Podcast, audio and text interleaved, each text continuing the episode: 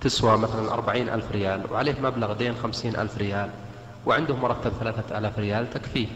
ويقول أنا مدين أو غارب. وعلى كل حال إذا كان بعد أن اشتراها. نعم. يوفى عنه قيمة السيارة أو ما بقي من قيمة السيارة.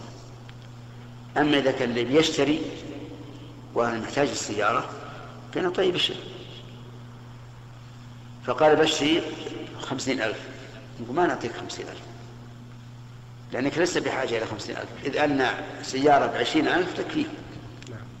فهناك فرق بين أن يكون قد اشترى وصار من الغارمين أو سيشتري.